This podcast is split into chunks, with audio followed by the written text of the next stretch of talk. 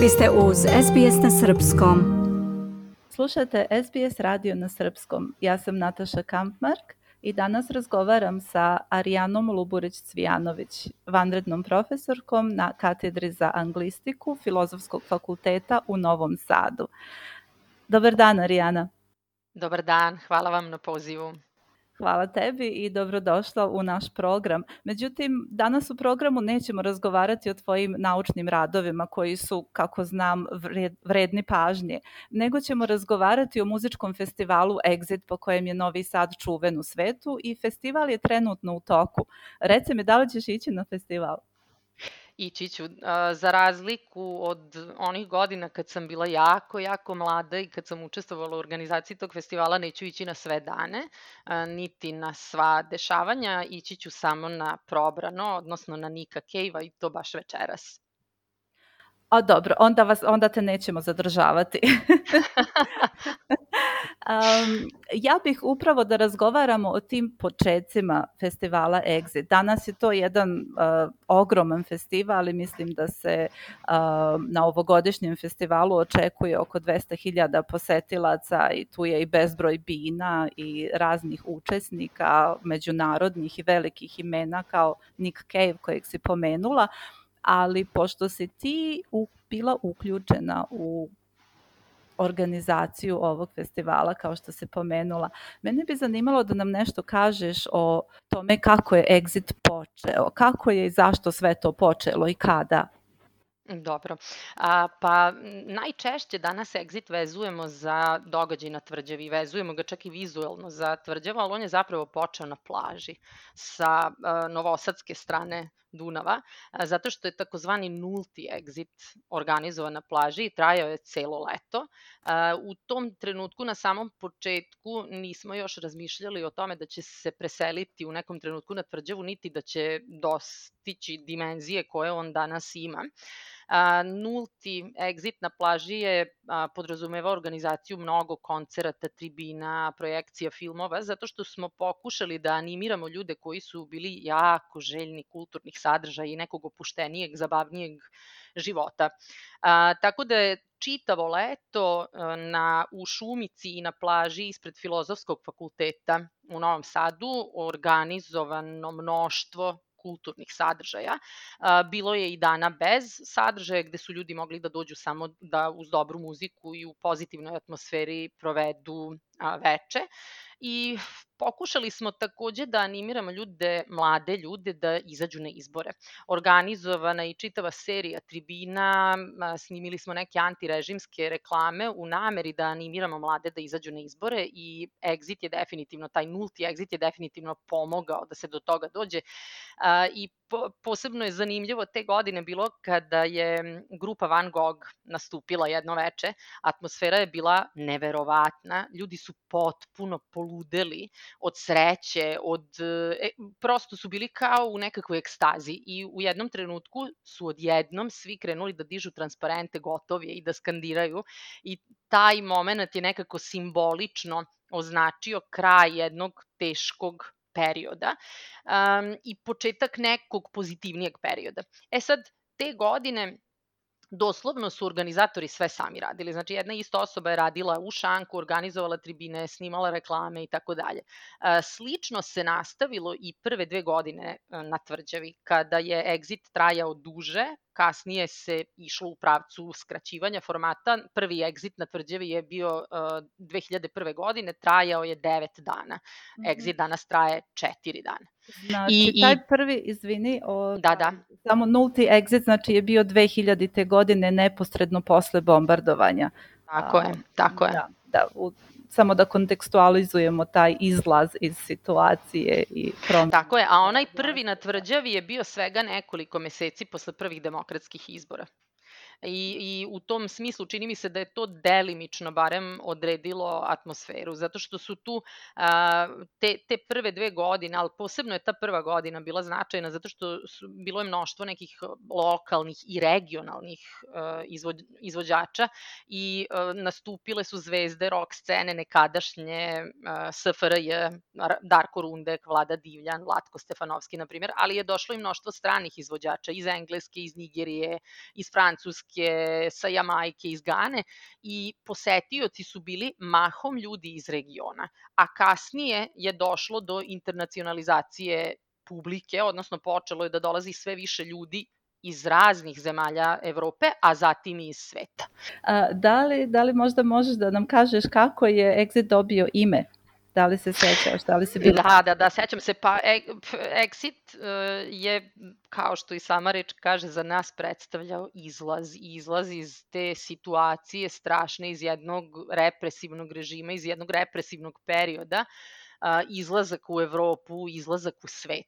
Da li, je, da li ste se lako odlučili za to ime ili je bilo još nekih uopšte? Pa lako, su, lako smo se odlučili zato što je tu um, ekipa koja se tu okupila, koja idejni tvorci tog festivala su bili mladi momci koji su bili neverovatno inventivni, imali su fantastične ideje, imali su fantastičnu energiju koja koja je stvorila ovo što je Exit danas. Reci mi, ova, šta, si, šta je bila tvoja uloga? Šta si ti zapravo radila na tim prvim Exitima? Na prvim Exitima organizatori su sve sami radili doslovno, zato što je to, organizatori su bili grupa prijatelja, braća i sestre i od pisanja projekata preko pisanja i prevođenja tekstova, PR-a, marketinga, dizajna, izgradnje, rada u šanku. Znači, ljudi su doslovno sve radili. Ja sam prvi godina na tvrđavi prevodila, bila zadužena za pres centar, od uređenja prostora do intervjuisanja izvođača.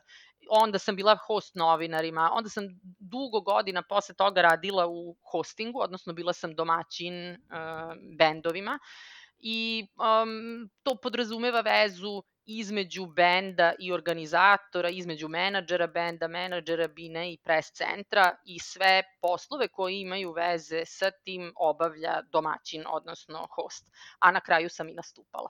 Pa da li imaš neku interesantnu dogodovštinu iz tog perioda? Pa bilo je, bilo je mnogo, mnogo dogodovština, više kada sam radila u organizaciji u hostingu nego kada sam nastupala. Danas, kad pomislite, danas je Exit jedna međunarodna mašinerija koja podrazumeva podrazumeva saradnju ljudi iz mnogo zemalja, strogo se poštuje satnica, osim u redkim izuzecima i ne može da se desi recimo kao prve godine na tvrđavi da usred programa nestane struje ali smo mi sva sreća imali agregate kojima smo rešili problem. Pa onda e, te prve godine, pošto se napravila strašna gužva, ljudi su toliko na, nagrnuli, e, onda su, su svi iz organizacije sišli dole na kapije da stavljaju posetiocima narukvice.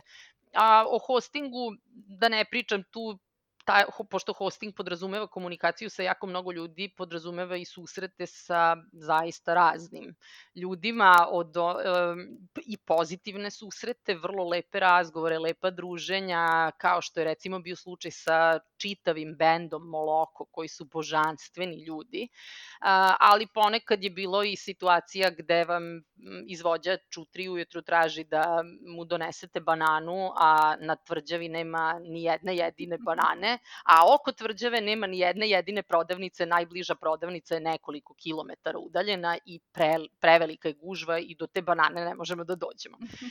Tako da je, bilo je i, i a, izvođača recimo koji nisu svesni bili gde se nalaze, pa onda neće recimo da nose akreditaciju zato što smatraju, odnosno ne znaju da jedan prosečan srpski policajac njih neće prepoznati po liku.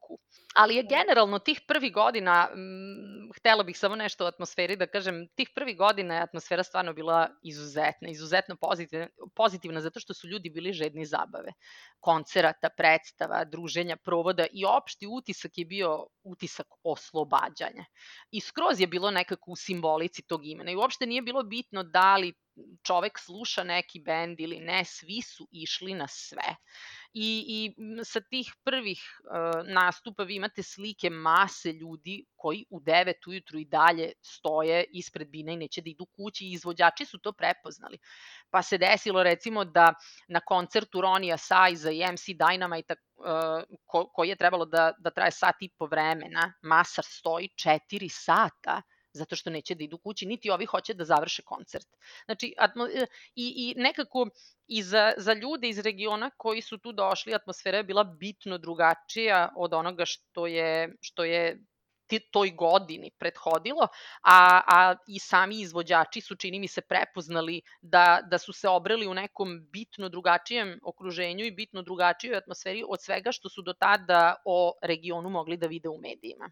Exit je zapravo i fantastičan, fantastičan način da region dospe u svet po nečemu lepom i nečemu što združuje ljude. Tako je, bilo je, tu, tu prvu godinu na tvrđavi obeležila je, obeležilo jedno pitanje koje baš MC Dynamite postavio publici. On je pitao Serbia, are you ready for the future?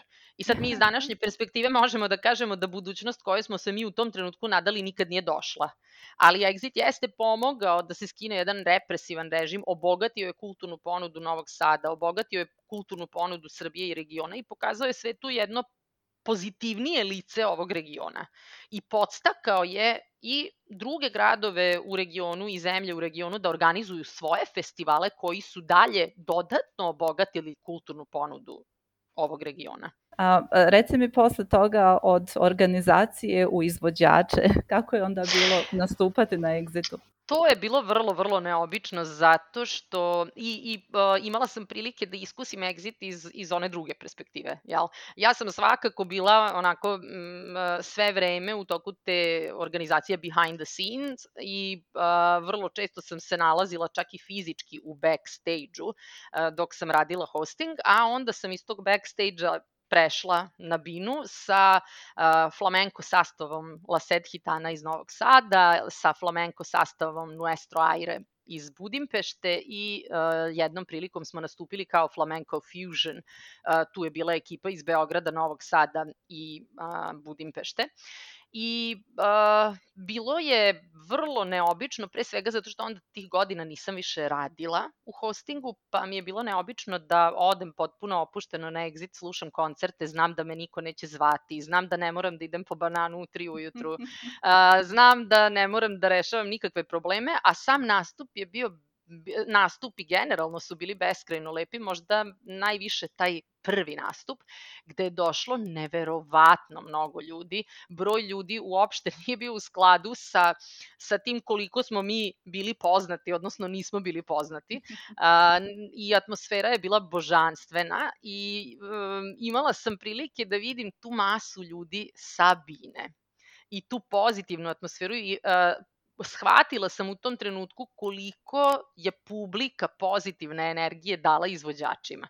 Jako mnogo nastupa na Exitu je obeleženo nek, nekom jako, jako pozitivnom energijom. I mislim da, da publika tu igra jako veliku ulogu. A, kad smo kod publike, rekla si nam da ćeš večeras ti biti publika na koncertu Nika Cave-a. Kako su ti danas očekivanja od Exita i možda neki tvoj onako emotivni odnos sa, sa Exitom 22 godine kasnije, 22 godine posle? Tako je, tako je. A, pa uvek je emotivan, čak i onih godina. Ja, ja danas više ne idem onako kako sam išla ranije da slušam sve i svašta a, i da se prosto prošetam i da upijam tu atmosferu idem uh, kada ima neki koncert koji se meni sluša, a idem sa istom pozitivnom energijom, sa istom sa istim nekim osjećanjem sreće kao, kao i ranije. Exit naravno je potpuno drugačiji danas nego što je bio tada. On nema više, nema onaj politički značaj koji je imao za naše generacije i za, za ljude koji su to tada organizovali i koji su tada posećivali Exit, ali je jedno jako bogato kulturno dešavanje. Vi sad tu zbog internacionalizacije sadržaja, vi imate izvođače i posetioce doslovno iz celog sveta. Ove godine inače nastupa i australijska reper, reperka Iggy Azalea. I, I danas je to jedna, čitava jedna mašinerija. A, tako da je a, prosto onako po, podsjeća na mnoge druge velike festivale u svetu, ali sam ja lično onako sentimentalno vezana za, za taj festival i već kada se i inače ljudi iz naših generacija već u trenutku kada Exit počne da se organizuje, kad polako počne da se priprema, kad polako vidite kako se pojavljuju reklame, baneri, kad krenu da pristižu posetioci, to to već nas vraća onako u neki moment od pre 20 godina i, i podstiče neko pozitivno raspoloženje. S tim da. što naravno danas je isključivo e, da, danas je Exit isključivo muzički festival, onih prvih godina je bilo, ako se sećaš, i pozorište i da. organizovane su neke tribine u okviru uh, otvorenih studija, takozvanih Exitovih. Da, da, toga se veoma dobro sećam. Sećam se i tog prvog egzita, nultog egzita 2000. godine i znam da u godinama nakon toga je zaista bilo ne samo i onih koji su nastupali iz Australije, nego dosta i posetilaca iz Australije. Sećam se jednog šatora sa australijskom zastavom.